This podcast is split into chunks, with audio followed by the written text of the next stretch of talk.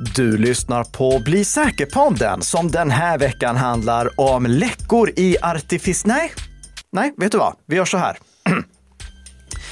Det är midsommarafton och du lyssnar av någon anledning på Bli säker-podden, vilket vi såklart är väldigt glada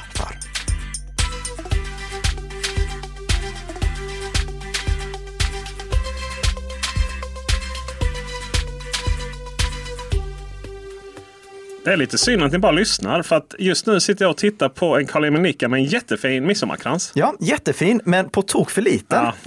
Så får, eh, får ta av mig den för att jag känner mig lite mer som korsfäst Jesus med eh, den här Oj, den, eh, ja, där, där sätter man sig själv på ett kors uppenbarligen.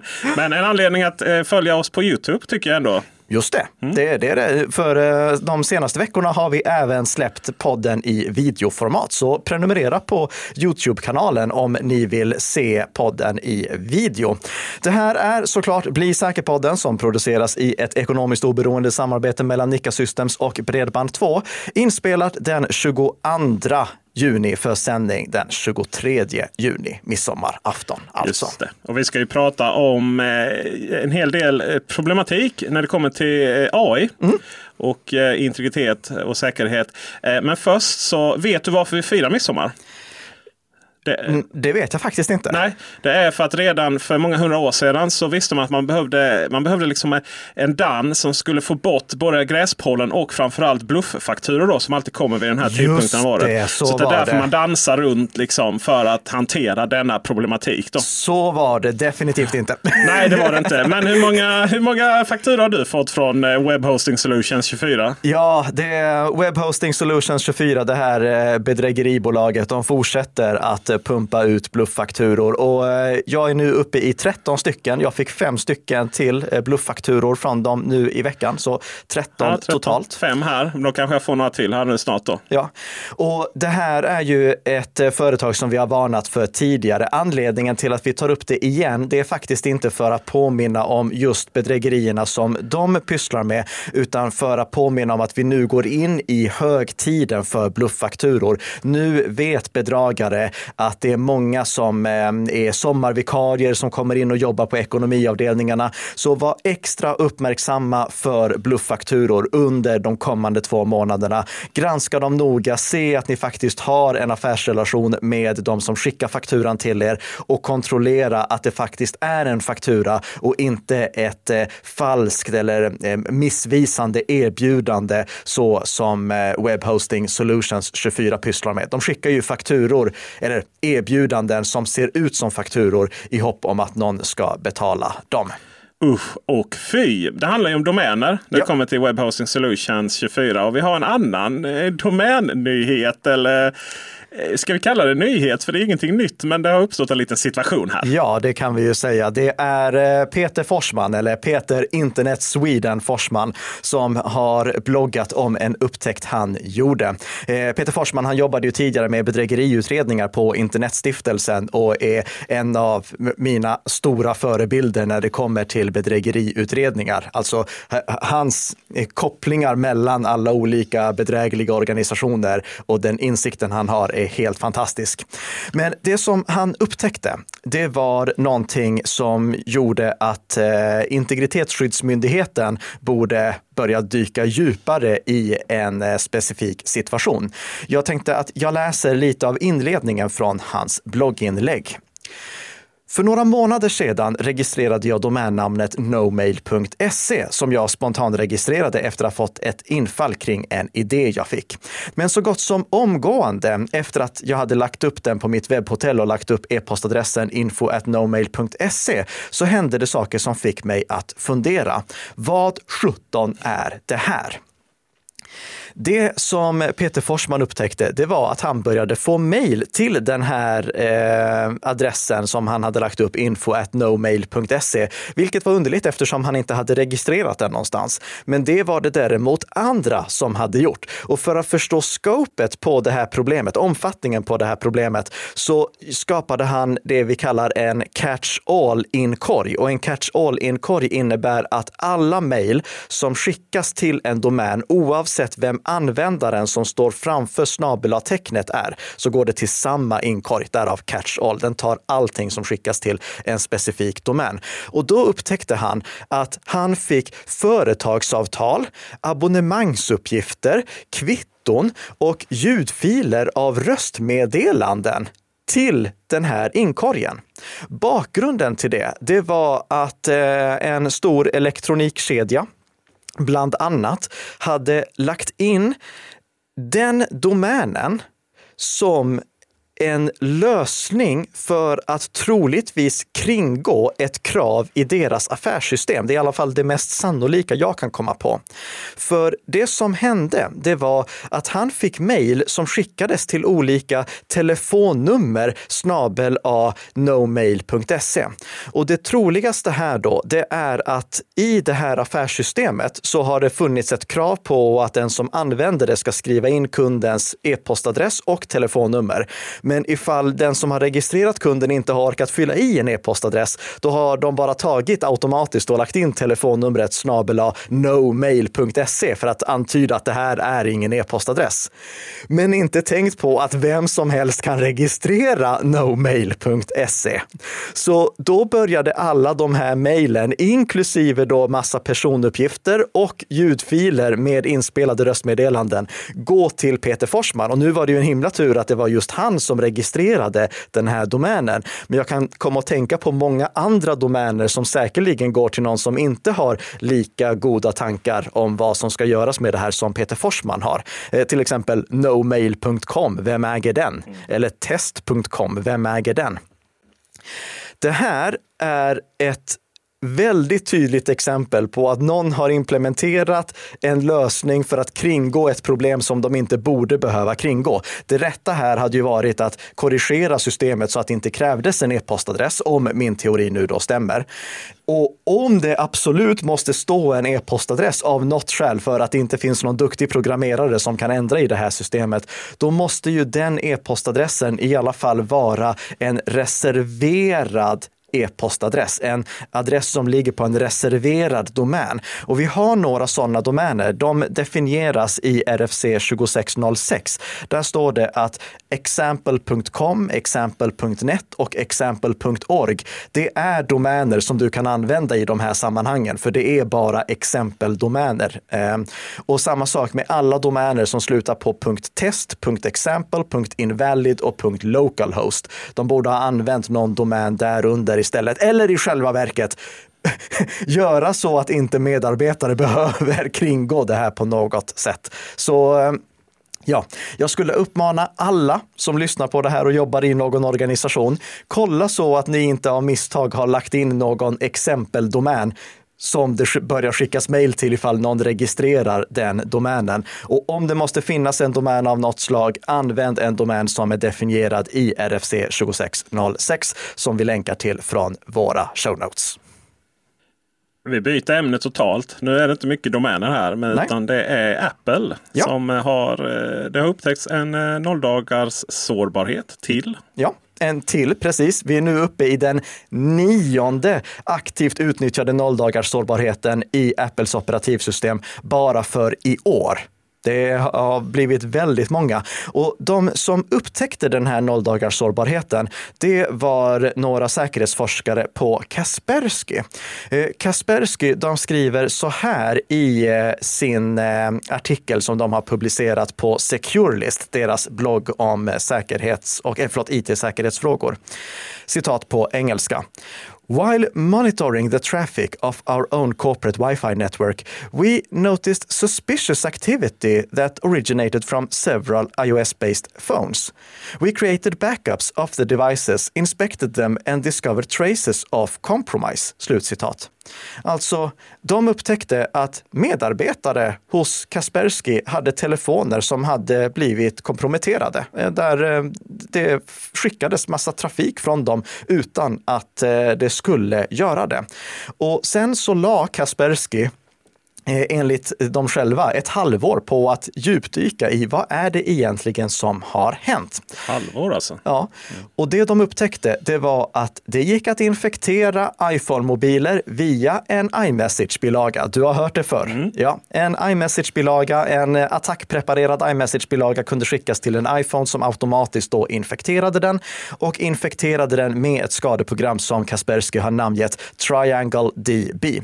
Triangle DB gjorde att angripare sen kunde stjäla, ändra och radera filer, stjäla nyckelringarna inklusive lösenord då, och bevaka mobilernas geografiska positioner har, eh, nu var det nionde här och vi är inte ens, vi är, ja, vi är framme vid midsommar visserligen. Men eh, har Apple blivit så stora så att det här blir ett större problem eller har de tappat det på säkerhetsfronten?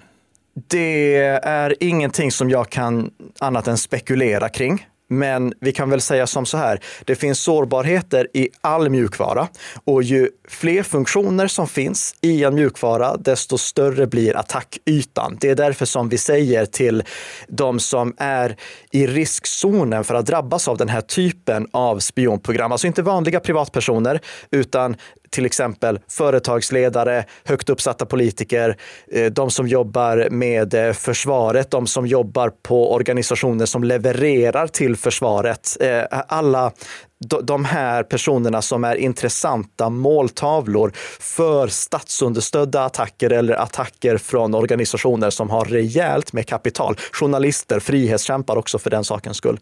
De bör överväga att aktivera det vi kallar låst läge på sin iPhone och sin Mac som begränsar attackytan. Till exempel vilka meddelandebilagor som automatiskt kan visas. Den typen av saker. Eh, så att eh, attackytan på deras mobiler begränsas. För vi har ju sett många exempel nu, men det här är inte någonting som enligt mig tyder på att det skulle vara problem för stora allmänheten, utan det här är någonting som istället de som är extra utsatta måste ha i åtanke. Det finns sårbarheter och jag skulle inte säga att vi har någonting som tyder på att Apple har blivit sämre på att underhålla sina operativsystem och att få bort eh, buggar som upptäcks. Det är mer att det upptäcks mycket buggar för det finns ett stort intresse av att infektera våra mobiler från den här typen av nationsunderstödda grupper och eh, grupper med väldigt stora ekonomiska muskler. Så eh, igen, det, det, är bara en spekulation, men jag, jag, tycker inte vi kan dra någon slutsats att Apple skulle ha blivit sämre. Det är mer att intresset har blivit väldigt stort. Och eh, eh samtidigt som iOS har växt så mycket och har blivit så oerhört kompetent. Så är det ju. Eh, någonting som vi däremot alla måste tänka på, inte bara frihetskämpar och journalister och politiker. Det är ju att eh, eh hur ska vi hantera de AI och den informationen vi lämnar till dem? Ja, nu ska vi gå in på etisk AI, etisk artificiell intelligens och informationsläckande artificiell intelligens och generativ text AI, alltså artificiella intelligensverktyg som kan generera text åt oss. Normalt sett när jag hör något företag presentera någonting som har med AI att göra nu, Eh, då tröttnar jag på ja. det för att det är samma saker om och om igen och eh, alla ska hålla på med AI och det är samma sak. Vi har byggt in stöd för ChatGPT, vi har integrerat med ditten och datten. Men när Nextcloud förra veckan började prata om sina artificiella intelligenssatsningar, då gick jag från att tänka, åh, inte ni också, till ja, okej, okay, det här löser faktiskt ett stort problem nämligen just läckande information. Vi ser ju att artificiell intelligens används på, och, och, och, och nu syftar jag specifikt på textgenererande artificiell intelligens, generativ text AI. Är det det generativ ja, betyder precis. att den genererar ja. text. Ah, ja. Okej, okay. nu, börjar, nu börjar jag förstå här. Ja. Och det är då till exempel eh, ChatGPT och Googles Bard-lösning. Eh, det här används på allt fler ställen. Jag vet att du använder det, till exempel Peter, i ditt eh, journalistjobb. Ja, jag eh, har börjat eh, experimentera med att eh, alla undertexter jag gör på Youtube. den kan AI, då verktyget om vi får använda det, sammanfatta till liksom en liten miniartikel till en beskrivning. Mm. så det blir okej. Okay. Man får korrigera lite. Men ja. ja. spännande framtida. Men där slipper du då skriva den artikeln. Just det. Och notera här alla lyssnare att Peter tog alltså information som var publik och gjorde någonting publikt med den. Kom ihåg det. Aftonbladet, de ser vi gör samma sak. Ni har säkert sett på Aftonbladets webbplats att det ibland finns Aftonbladets snabbversion av en artikel och så står det längst ner sammanfattningen är gjord med eh, stöd av AI-verktyg från OpenAI och kvalitetssäkrad av Aftonbladet. Just det, jag vill bara poängtera att de där sammanfattningarna är så korta så ibland undrar man om det inte varit snabbare att bara skriva dem själva. Men ja. jag dömer ingen. Nej. Eh, och Expressen samma sak, där finns artikeln i korthet. Där kan det stå sammanfattningen är gjord med hjälp av OpenAIs ChatGPT-verktyg och kvalitetsgranskad av en redaktör. I båda de här exemplen, då är det alltså en eh, journalist som har tagit, eller en redaktör som har tagit publik information och gjort något publikt med den. Jag känner att vi har liksom ett AOL-keyword, publik information. Exakt. Men det är inte bara publik information som kan skickas in i den här typen av AI-verktyg. Och eh, för att ta ett exempel på organisationer som har skickat in något annat kan vi kolla på Samsung. De har nämligen vid tre tillfällen skickat in information i ett sånt här verktyg som inte de borde ha skickat in. Och det här är information som vi har fått från eh, The Economists koreanska upplaga. Och eftersom jag inte kan läsa den så har jag kollat på vad Mashable har skrivit om om det. Så det här är information som har gått via Mashable, publicerat april 2023. Där framgår det att Samsung-anställda till exempel läckte konfidentiell källkod till eh, ChatGPT för att leta fel.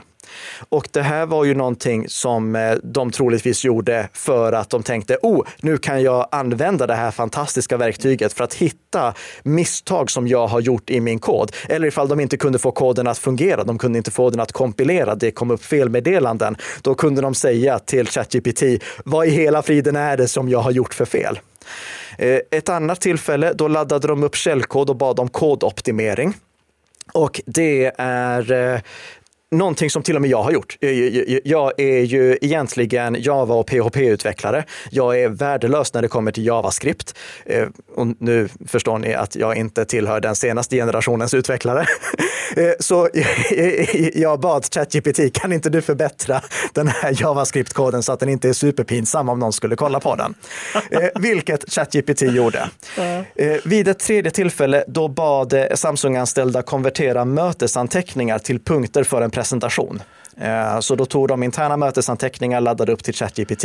Och lägg märke till att inte i något av de här fallen har informationen som gått in i ChatGPT varit publik. Just det. det här är en liten kontrast. för att När man är hos, på Samsungs huvudkontor mm. då är det massvis med skyltar och förordningar. Du får inte upp mobiltelefonen. Det är nästan som man ska lämna den utanför.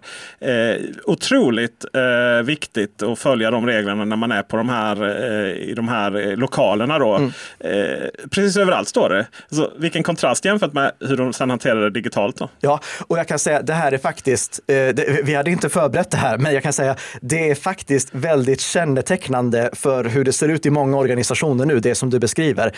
Vi har sedan tidigare haft jättebra kontroll, eller Många organisationer har haft bra kontroll på att information ska hanteras strukturerat så att vi vet exakt var vilken information används, hur den kan raderas, hur den kan exporteras, hur den kan raderas. Men sen så kom de här verktygen och eh, alla ville hoppa på båten, nästan alla. Många ville hoppa på båten och börja använda de här teknikerna, de här AI-verktygen för att effektivisera jobbet. Och då var det precis som att nej, men vi slänger ut allt det här som har haft att göra med hur vi ska hantera vår information. För när det kommer till artificiell intelligens och sådana här eh, generativa text-AI-verktyg, då måste vi komma ihåg att de fungerar inte som traditionella molntjänster med databaser där allting finns strukturerat strukturerat lagrat och där vi vet hur vi kan exportera och radera den informationen som finns där. När vi skriver någonting till sån här eh, generativ text AI som till exempel ChatGPT eller BARD, då kommer den informationen också att i framtiden kunna användas för att förbättra de här modellerna som ger svaren. Och eftersom det här inte är bara en traditionell databas utan faktiskt en modell som har byggts upp genom träning som kostar multum. Alltså det krävs många grafikkort. Det är därför som Nvidia har haft en väldigt gynnsam aktiekurs kursutveckling på senare tid. Eh, eh, det är någonting som sen kan användas för att träna de här modellerna för att ge bättre svar. Men eftersom den informationen då kan gå in i en modell utan att vi på något sätt kan få ut det ur den modellen igen, så gör det att vi kan inte lämna ifrån oss någon känslig information. Och det här är faktiskt både OpenAI och eh, Google helt öppna med. OpenAI skriver så här på sin webbplats på eh, svaret på frågan Can you delete specific prompts? Alltså eh, kan du radera specifik, eh, specifika kommandon åt mig? Och då skriver de citat på engelska. No, we are not able to delete specific prompts from your history. Please don't share any sensitive information in your conversations. På frågan Will you use my conversations for training? Då svarar de Yes, your conversations may be reviewed by our AI trainers to improve our systems. Och på frågan som ställdes till Google, eller egentligen på deras informationssida, på Googles informationssida om BARD, då säger de uttryckligen Don't include confidential or sensitive information in your BARD conversations. Jag tror att det stora problemet som vi ser här, det är att det finns en miss, ett missförstånd kring var den här bearbetningen sker. Eh, för något år sedan, då pratade vi i Bli säker-podden om eh, en app som hette Face App som kunde göra att du såg yngre eller äldre ut. Och jag poängterade riskerna med att använda den. Och det var inte risker som var relaterade till att du skulle se yngre eller äldre ut, utan det var risker som var relaterade till att den bild, den bilddata som, skickade, eh, som användes, den skickades från din mobil till servrar för att generera det här. Det gjordes inte lokalt på enheten, utan det gjordes på andras servrar. Samma sak är det med ChatGPT och med BARD. Det är information som vi alltså lämnar ifrån oss. Och oavsett om det är information som sen på något sätt går in i de här modellerna eller inte, så är det information som vi läcker till Google och till OpenAI för att de ska kunna förbättra de här systemen. Sen finns det Enterprise-versioner av de här produkterna också, där eh, till exempel eh, det står att eh, eh du kan köpa det här och då kommer vi inte använda den här informationen för att träna våra modeller. Men det är ju inte i de här publika och öppna versionerna. Och jag vill också poängtera att visst, nu finns det i Eh, ChatGPT en liten inkognito-funktion. Du kan gå in i dina inställningar och där kan du välja att stänga av funktionen där det står Save new chats on this browser to your history and allow them to be used to improve our models. Unsaved chats will be deleted from our systems within 30 days. Den funktionen den går att stänga av, även om den är på som standard. Men Även om du stänger av den, då läcker informationen till OpenAI. Det du skriver, det lämnar du ifrån dig till OpenAI. Det stannar inte på din dator. Så här måste alla som använder de här eh, funktionerna förstå att om du lämnar ifrån dig data till de här bottarna, då har du läckt den datan. Och det gör det väldigt viktigt att förstå till exempel hur företagshemligheter hanteras. Om du är advokat, hur all den informationen som du ansvarar för hanteras. Om du hanterar personuppgifter, du kan inte lämna ifrån dig personuppgifter till de här amerikanska bolagen oavsett om de här personuppgifterna sen i värsta fall till och med går in i de här modellerna. Källskydd ja, som journalist. Källskyddet, absolut. Jag vet att det är många som eh, pratar om att eh, ja, vi skulle kunna använda sådana här eh, AI-verktyg för att förbättra vår kundtjänst, för att kunna skriva bättre kundtjänstsvar och snabbare kundtjänstsvar. Men det är två problem med det. För det första, du kan ju inte hantera personuppgifter i den här typen av verktyg. För eh, om du hanterar personuppgifter, då måste du vara helt säker på att du faktiskt kan hantera dem på ett strukturerat sätt och du kan exportera ut dem och där du kan radera dem. Eh, den möjligheten finns inte här, framför allt inte ifall informationen går in i språkmodellen. Och dessutom du kan ju informera dina medarbetare om vad de får använda de här verktygen till, om de får använda verktygen överhuvudtaget. Men du kan omöjligtvis informera kunderna om att kunderna inte får skriva någonting känsligt om sig själva. Nej. Så det, det, det, det, är problematiskt på det sättet. Och vi ser ju att nu är det Eh, liksom bolag efter bolag efter bolag som väljer att eh, helt enkelt förbjuda medarbetare att använda de här tjänsterna eller åtminstone att kraftigt begränsa medarbetarnas rätt att använda till exempel ChatGPT.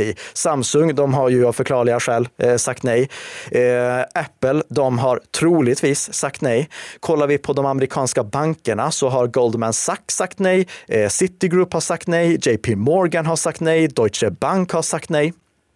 Och det är ju för att skydda informationen. Hela Italien har sagt nej för eh, att eh, det är just det problematiskt när det kommer till hur personuppgifter hanteras. Eh, det kan då ställas i kontrast till vår, vår svenska fintechbolag Klarna. Där meddelade eh, Sebast eh, eh, förlåt, eh, Stefan Lundell som eh, driver Breakits podcast. I senaste avsnittet av den podcasten, då berättade han att eh, Sebastian Tjematkowski på Klarna har 5 000 anställda och Sebastian kollar varje vecka hur många det är som faktiskt loggar in på ChatGPT. Så istället för att göra som de amerikanska bankerna så väljer Klarna att verkligen omfamna den här tekniken. Och då hoppas jag ju att det bara är för att till exempel optimera sin egen kod.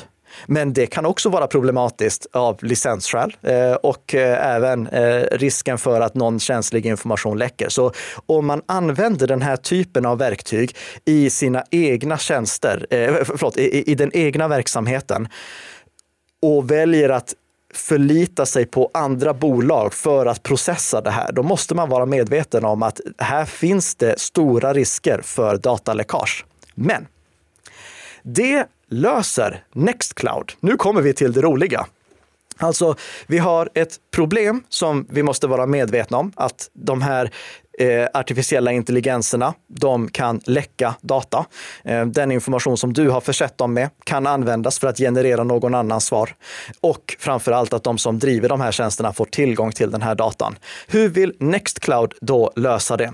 Jo, det är med tre stycken krav för det som de kallar ethical AI. Den första saken, det är att de här modellerna och de här verktygen ska ha öppen källkod. Och det är så att du ska faktiskt kunna se vad är det som händer.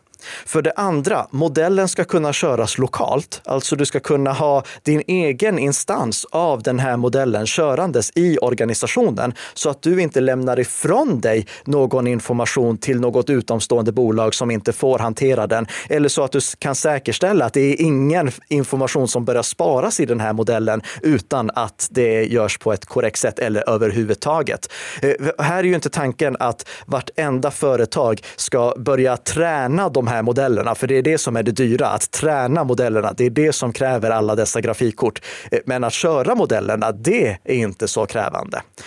Och eh, för det tredje, Eh, träningsdatan, alltså det som har använts för att de här modellerna ska fungera, den ska vara tillgänglig. För dålig indata blir ju dålig utdata. Ifall det inte är bra indata som den här modellen är tränad på, då kommer det inte heller att vara bra svar som genereras från den. Och det här är extra viktigt eftersom risken för eh, eh infekterad, giftad, eh, poisoned, eh, eh, vad ska man säga på svenska? Ja, eh, för, förgiftat för, samtal. Förgiftad, ja, nej, men förgiftad, förgiftad det, ja. det, blir bra. Förgiftad träningsdata är någonting vi måste tänka på. Att ifall en angripare vill få någonting till att fungera på ett sätt som inte är önskvärt, jag tänker framför allt i programmeringssammanhang, då skulle de kunna försöka förgifta datan som modellen tränas på så att svaret som modellen ger faktiskt är fel. Så att det där finns sårbarheter. Så för att organisationer ska förstå vikten av det här har eh, Nextcloud skapat ett eh, trafikljussystem med fyra stycken det är, eh, grönt, gult, orange och rött. Så eh, inte helt som ett trafikljus, utan fyra stycken eh, olika indikatorer kan det finnas. Och ifall en lösning, eh, ett sånt här verktyg, uppfyller alla de här tre punkterna, det är öppen källkod, det går att köra modellen lokalt och träningsdatan är tillgänglig, då får det en grön lampa. Medan ifall det här verktyget bara uppfyller två av de här punkterna, då blir det en gul lampa. Och bara en, då blir det en eh, orange lampa. Och ingenting alls, då blir det en röd lampa. Tanken är att Nextcloud ska indikera i de integrationer som finns till Nextcloud om den här integrationen är grön, gul, orange eller röd. Så att det blir lättare för den som driver Nextcloud-instansen att välja säkra AI-verktyg. Det här är alltså inte någonting som sen medarbetaren ska tänka på, utan det, det, här är någonting, eller medarbetaren kan tänka på det också, men det här är framför allt för att organisationen ska bara tillgängliggöra verktyg som är förenliga med den IT och informationssäkerhetspolicy som organisationen har. Så nu kan du till exempel i Nextcloud Talk, deras motsvarighet till Microsoft Teams eller ehm, eh, till Slack, välja att ha AI-bildgenerering. Så att om du skriver någonting till mig, då kan jag använda AI-bildgenerering för att göra en rolig katt i en hatt och skicka tillbaka till dig. Som man ju gör i chattverktyg mest hela Precis. dagarna. Ja. ja. Och då finns det två olika integrationer som går att använda. Antingen så går det att använda DALI, alltså OpenAIs lösning. Den har då en röd indikation eller kommer ha en röd indikation för att det är inte öppen källkod. Eh, det är inte en modell som går att köra lokalt och datan som tränades är inte tillgänglig. Eller så går det att använda Stable Diffusion som då är en annan integration som har öppen källkod och som eh, har eh, träningsdatan tillgänglig och som eh, eh dessutom går att köra lokalt. Nu tog jag det i en annan ordning, men det spelar ingen roll. Så där kan då den som driver Nextcloud-instansen välja okej, okay, vilken av de här integrationerna ska vi ha? Eller för översättning, ChatGPT kan integreras för att översätta och det är ChatGPT jättebra på. Men det är en röd tjänst eftersom det inte går att köra lokalt. Informationen läcker. Det är inte öppen källkod och det är inte heller ett tillgängligt datasätt som har använts för att träna den här modellen. Eller så går det att använda en egen översättningstjänst som Nextcloud håller på att integrera. Jag kommer inte ihåg vad de baserade den på, men i alla fall, eh, det är någonting som de håller på att utveckla. Eh, jag testade den lösningen och för mig så funkade den inte så som det visades på scen. För på scen fanns det jättemånga språk att välja mellan, medan jag bara kunde välja mellan fem olika. Men det är väl för att de håller på att utveckla det. Eller eh, en fantastisk AI-funktion som jag tror att jättemånga kommer älska, som också eh, presenterades på senaste Nextcloud-eventet. Det är en funktion som automatiskt transkriberar alla möten du har haft. Så när du har haft ett möte i Nextcloud Talk, då kan du få en transkribering av det här var det som sades. Och eh, eh, den lösningen, den är gul mm. och det är för att den är visserligen öppen källkod och det kan köras lokalt, men träningsdatan är inte öppen. Men sen har de, sist men inte minst också, en ny funktion på gång som ska ersätta ChatGPT för de som vill ha en integritetsvärnande version av ChatGPT.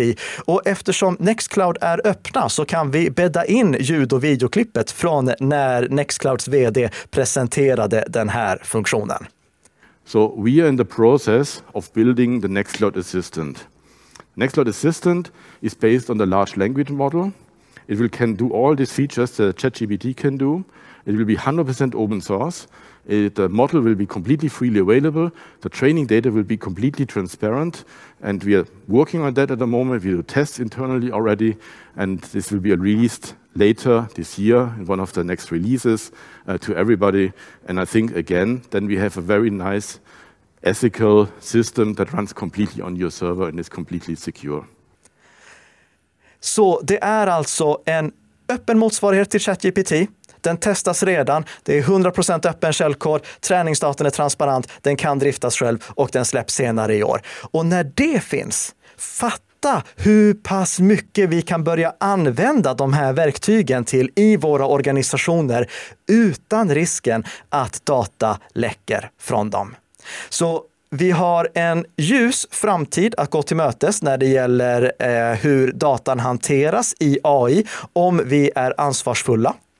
Men vi måste komma ihåg att fram till dess så måste vi informera våra användare om vilka, alltså våra medarbetare, om vilka tjänster som de får använda, vilka de inte får använda och vad de får använda de här AI-tjänsterna till överhuvudtaget. Och samma sak kommer det ju i och för sig vara efter att Nextcloud har släppt den här lösningen också. Oavsett om ni väljer att implementera den i er organisation eller inte, så måste ni informera om vad den får användas till och vad alla andra tjänster som finns publikt på nätet får användas till. För visst, artificiell intelligens är fantastisk. Det är jättekul att se hur den kan användas för att effektivisera vårt jobb. Och det är jättekul att se hur liksom en artificiell intelligens baserad på data som den har kan koppla ihop jättemånga olika saker och få ut en text som faktiskt ser ut att vara skriven som en människa.